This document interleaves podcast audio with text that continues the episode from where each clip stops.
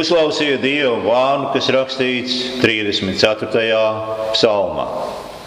Nāciet, bērni, un klausieties mani. Es mācīšu jūs bīties to kungu. Vai tu bīsties Dievu to kungu? Nu, kāpēc man būtu jābaidās no Dieva? Kāds varētu jautāt?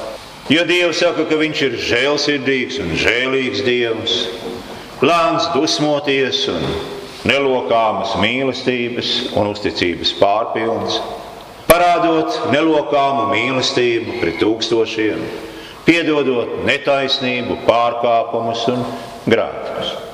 Un kāpēc tad es no viņa baidītos? Nu, bet turpiniet lasīt tālāk, un jūs sapratīsiet, ka piedot netaisnību, pārkāpumus un grēkus nekādā gadījumā vēl nav viss. Dievs pacieš pārkāpumus līdz 3. un 4. paudzē, bet tad jau nesako labošanās. Viņš piemeklē tēvu vainas pie dēliem. Tad stājies tā kunga ceļā, un viņš tevi iznīcinās. Šie panti no otrās mūzes grāmatas ilustrē izplatītu problēmu, ar kuru cilvēce saskaras, kad ir runa par Dievu. Nu, proti, cilvēkiem Dievu patīk uzlūkot un atzīt daļēji. Nu, piemēram, citas reliģijas par saviem dieviem var domāt tikai ar bailēm. Viņiem nav evaņģēlija, viņiem nav Kristus. Viņi var tikai klanīties savu dievu priekšā un mēģināt tos pielāgot. Mums, kristiešiem, ir evaņģēlijs. Mums ir Kristus ar savu žēlastību, žēlsirdību un atdošanu. Bet mūsu grēcīgās miesas samaitātības dēļ mums bieži rodas pretēji problēma. Proti, mēs domājam tikai par tā kunga žēlsirdību. Patiesi, jums patīk domāt par Jēzu kā par vīru, kurš pabaroja piecus tūkstošus, par to, kurš nes uz saviem pleciem pazudušās avis, kurš paņem rokās un svētī mazus bērnus. Bet jums nepatīk domāt par Jēzu kā par vīru, kurš vīja pātagu un izdara no tempļa naudas mījējus, kurš izvaida viņu monētas un apgāž galdus. Jums nepatīk domāt par Jēzu kā par vīru, kurš stājas pretī jūsu grēkiem, kurš beigu beigās nāks debesu padebešos, lai tiesātu zemi, kurš draud izmest cilvēkus galējā tumsībā, kur būs raudāšana un zobu trīcēšana. Jā, pat kristiešu vidū izplatīts grēks ir atzīt Dievu tikai daļēji, cenšoties pieņemt viņu pēc saviem noteikumiem. Jūs vēlaties mūžīgās dzīves apsolījumu, nedzirdot tiesas draudus. Jūs vēlaties mierinājuma vārdus bez pārmetumiem par grēku. Jūs vēlaties lieldienas bez lielās piekdienas. Īsāk sakot, jūs vēlaties Dievu, kas ir kā silta saka. Jūs varat iepriecināt sevi ar viņu, tad, kad jums nepieciešams mierinājums. Jūs varat ar to noslaucīt asaru savā acīs, kad jums ir skumji. Jūs varat paslēpties zem viņa, kad jums ir bail. Citādi jūs varat atstāt viņu guļam uz dīvāna un doties prom un darīt paši savas lietas pēc sava prāta. Nu, ko gan saga te var nodarīt? Sadusmosies, nožņauks tevi miegā. Bet ja jau mēs izmantojam metaforu, kā būtu ar šo? Dievs ir rījoša uguns. Tu tojies ugunī nevis pēc sava prāta, bet gan pēc uguns dabas. Citiem vārdiem sakot, tu nevari aizdegties pats uz saviem noteikumiem. Tu vari baudīt uguns gaismu un siltumu, bet tev ir jābaidās, kas ar tevi notiktu, ja tu iebāztu roku uguni. Uguns nemainīs savu dabu tikai tāpēc, ka tev patīk ar to rotaļāties. Ja tev rūp tava roka, turi to prom no liesmas. Ja tu augstu vērtē savu dzīvību, negrēko pret Dievu. Cik bieži jūs baidāties no grēka sakām? Jūs baidāties no grēka sakām šīs zemes dzīvē. Jūs baidāties tikt atlaistam no darba, Izmestam no skolas, tāpēc jūs nezaksiet no sava darba devēja un pārmērīgi nekavēsiet skolu.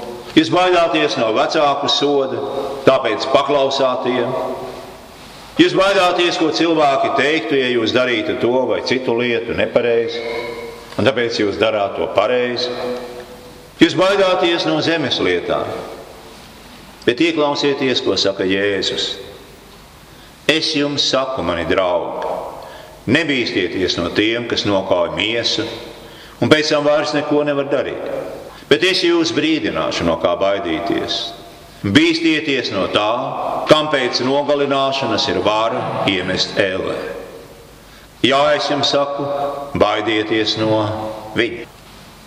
Nāca dienās daudzi bija nepaklausīgi, un tas kungs tos iznīcināja plūdos. Sodomas un Gomoras iedzīvotāji piekopa seksuālus netikumus, un tas kungs tos aprija ar sēru un uguns lietu.Ūze izstiepa roku un pieskārās tā kunga šķirstam, un Dievs viņu sita. Karaks sacēlās pret to kungu, un zeme atvērās un aprievīja. Izrēlieši kurnēja pret to kungu tuksnesī, un viņš sūtīja viņu vidū indīgas čūskas. Faraons atteicās klausīties tā kunga vārdu, un viņš piedzīvoja lielas un smagas mocības. Tas viss ir rakstīts mūsu brīdinājuma dēļ. Vai tu vēl joprojām turpināsi domāt par grēku kā par kaut ko nenozīmīgu? Vai tu dzīvosi tā, it kā desmit baušļi būtu laimīgas dzīves padomi, kuras var ņemt un var neņemt vērā? Vai tu patiešām vēlies nomirt? Psalma teksts mums saka, nāciet, bērni, un klausieties mani. Es mācīšu jūs bīties to kungu. Jā, nāciet tagad. Padomājiet par asinīm un sodu, kas ir lielāks nekā jebkurš cilvēks spēja panest. Padomājiet par dieva dusmām, kas sajauktas kausā un izlietas rīklē. Padomājiet par brūcēm un saitēm, Domājiet par tumsu un nāvi. Padomājiet par Jēzu Kristu, kas pienaglots pie krusta. Tas viss attiecas uz viņu. Jā, padomājiet par krustā sišanu. Ko dara tas kungs? Kad tas kungs redz grēku, un viss grēks, viss mūsu grēks gulās uz Kristus. Tas kungs nesaka, ka tas ir labi, nav problēma, neuztraucieties par to. Gan jau kaut kā. Karas kungs redz grēku, viņa dusmas iedegas, un cilvēki mirst. Krustā sišana māca baidīties no dieva dusmām. Ja viņš nekādā gadījumā neatbrīvos vainīgos no atbildības, viņš patiesi ir taisnīgs Dievs. Bet lai tālu no mums ir doma atzīt Dievu tikai daļēji. Kristus nāvei vajadzētu likt mums paturēt prātā, ka mūsu Dievs ir īoša uguns, kas sadedzina. Un tai jāmācās bīties to kungu. Taču Kristus nāve arī pierāda, ka mums ir žēlsirdīgs un žēlīgs Dievs. Plāns dusmoties un nelokāmas mīlestības un uzticības pārpildus, kas nelokāmi mīl tūkstošiem, piedod netaisnību, pārkāpumus un grēkus. Jēzus kalpo kā brīdinājums, lai mēs neiedomātos uztvert grēku nenopietni. Bet kas ir vēl labāk? Jēzus pats kalpo kā mūsu glābējs. Viņš apkrāva sevi ar taviem un maniem grēkiem. Un to darot, viņš novirzīja dieva dusmas no tevis un manis pret sevi. Plūdu liesmojošo krusu ugunīgo čūsku niknums pilnībā krita no dieva un ar postošu spēku nolaidās par nevainīgo viņa dēlu. Jo viņš tika ievainots mūsu pārkāpumu dēļ, viņš tika sagrauts mūsu grēku dēļ. Pār viņu bija sots, kas atnesa mums mieru, un ar viņa brūcēm mēs esam dziedināti. Jēzus nāvē mēs redzam Pāvila vārdu patiesu. Dievs mūs nav lēmis dusmām, bet gan pestīšanai caur mūsu kungu Jēzu Kristu. Jēzus vairs nav dusmīgs. Vislielākā liecība par to ir fakts, ka viņš augšām cēlās no mirušajiem. Viņš remdēja dieva dusmas. Un tāpēc mēs varam būt droši, ka neesam vairs pakļauti dusmām, bet gan žēlastībai. Vai tagad mums joprojām ir jābaidās no tā kunga? Bez šaubām. Viņa daba nav mainījusies, viņa likums nav mainījies. Savā žēlastībā viņš ir apklājis mūsu grēkus, bet viņš nav devis mums atļauju grēkot. Kā rakstīts, ja mēs tieši prātā grēkojam, kad esam saņēmuši patiesības atziņu, vairs nav upura par grēkiem, bet ir tikai briesmīga gaidīšana uz tiesu un uguns svēlu, kas aprīs pretiniekus. Ja kāds atmet mūsu bauslību, Tas bez žēlastības pēc divu vai trīs liecinieku liecības tiek nokauts. Kā jūs domājat, cik daudz lielāku atmaksu pelnījis tas, kas minis kājām dieva dēlu, nav turējis par svētām jaunās derības asinīm, ar kurām tas ticis šķīstīts, un aizvainojis žēlastības kārtu? Mēs zinām, ka ir sacīts, man pieder atriepšana, es atmaksāšu, un vēl Tas kungs tiesā savu tautu, un briesmīgi ir krist dzīvā dieva rokā. Ko nu lai sakām? Es negribu, lai jūs domātu, ka ar vienu roku jums tiek dots, bet ar otru ņemts. Nē, tas nebūtu tā. Lieta ir tāda, ka mūs glāb žēlīgais Dievs. Un mēs joprojām viņu bīstamies. Jo mums ir viss Dievs, ne tikai puse Dieva. Un tomēr šīs bailes nenozīmē, ka mēs dzīvojam pastāvīgā šausmā, it kā mēs nebūtu glābti. Tā kunga bība nozīmē, ka mēs baidāmies, ko Dievs darīs ar mums, ja mēs sacelsimies pret viņu. Ja mēs apzināti noliksim malā viņa balšļus un sakosim pasaules ceļam un padomam un miesas kaislībām. Mēs baidāmies, kas notiks, ja izturēsimies pret Jēzu Kā pret kaut ko tādu, kas ļauj mums neņemt viņa vārdus nopietni. Bailes no tā kunga ir laba, ļoti laba lieta. Pravietis saka, tā kunga bība ir ciānas bagātība. Kā gan bība pret to kungu var būt bagātība? Pirmkārt, bība pret to kungu liek mums ieklausīties tā kunga vārdā. Padomājiet par cilvēkiem līdzībā par lielo mīlestību, kuri lūdz attaisnot viņus un atbrīvot no pienākuma apmeklēt svētku mīlestību.